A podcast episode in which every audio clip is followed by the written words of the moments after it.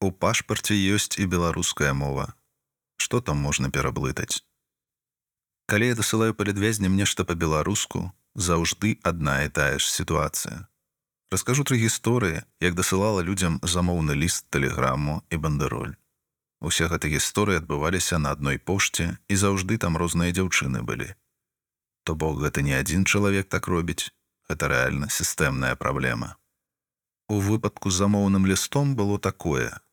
У мяне ўзялі гэты бланк, дзе напісана прозвішча кастусёў і запытваюць: как будет по-русски? Кастусёв я кажу а чаго по-руску? Я ж по-беларуску написала а нужно как в паспорте? Так у пашпарце ж дзве мовы кажу ну могуць пераблытаць ліст калі прынясуць у пашпарце ёсць і беларуская мова. Что там можна пераблытаць тэлеграмма сам бланк іх шмат якіх бланкаў няма по-беларуску мало таго што гэта парушэнне заканадаўства то яно яшчэ і само па сабе проста вельмі раздражняе. Ты атрымліваеш бланк па-расейску, хаця ідзеш, настройваешся па-беларуску пісаць беларускамоўнаму палідвязню. Калі дасылала тэлеграму, я ўжо нават імя і адрас запоўніла па-расейску. Але тэкст я хацела, каб беларускамоўны чалавек атрымаў па-беларуску. Запомніла тэкст тэлеграма па-беларуску і бачу, што дзяўчына ўбівае яго ў кампутер расійскімі літарамі. Я прашу, каб пераключыла раскладку. Яна раскладку пераключыла, але ўсё роўна доўга не магла яго набраць. Ну, бачна, што чалавек не працуе з беларускай раскладкай, не ведае, дзе знаходзіцца беларуская літара і, дзе знаходзіцца унескладовая. І вось гэта я таксама лічу дыскрымінацыяй.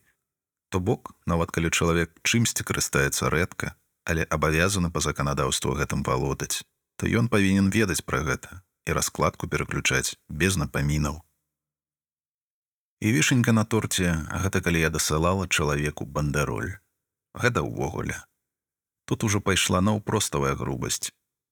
Я запоўніла бланк па-беларуску і бачу, што супрацоўніца белпошты пачынае па-расейску ўводзіць усё гэта расійскімі літарамі ў кампутер. Я яе попрасіла запаўняць па-беларуску. На гэтую просьбу мне сказалі, што я агрэсіўная і даволі агрэсіўна гэта сказалі. Што это такое дзеўушка? вы какая-то агрессивная.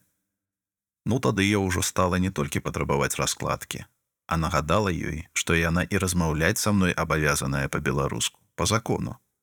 У адказ на гэта яна па-расейску працягнула настойваць, што я не абязана, я не путу. І ўсё гэта мне выказвалася вельмі агрэсіўна.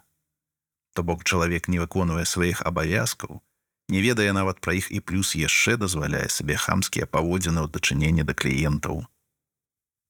Пасля гэтага я звярнулася да адміністратаркі. І яна са мной згадзілася, яна ведае, што супрацоўнікі абавязаны валодаць беларускай мовай і сказала, што яны раздаюць інструкцыі. Але атрымліваецца, што гэта зусім фармальнасць, і на справе гэта не выконваецца і не кантралюецца. Адміністратарка сказала, што яны паразмаўляюць. Я не асабліва веру, што гэта нешта зменіць. Я настройвалася на адпраўку бандеролі палідвязню не настройвалася на сварку, не чакала, што мне нахамяць і вынесуць мозг. Сітуацыя была яшчэ і маралёва вельмі траўматычная, бо бандароль была для неабыякавага мне чалавека, і мяне гэта вельмі падкасіла.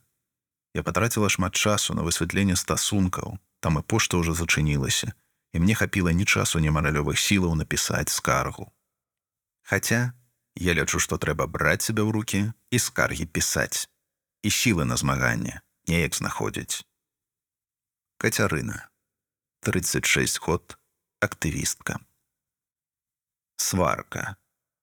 Сварка заўжды непрыемная. Часцей яна непрыемная для абодвух бакоў. Прасцей яе спыніць і замірыцца для людзей, што разумеюць і чуюць адзін аднаго, размаўляюць адной мовай.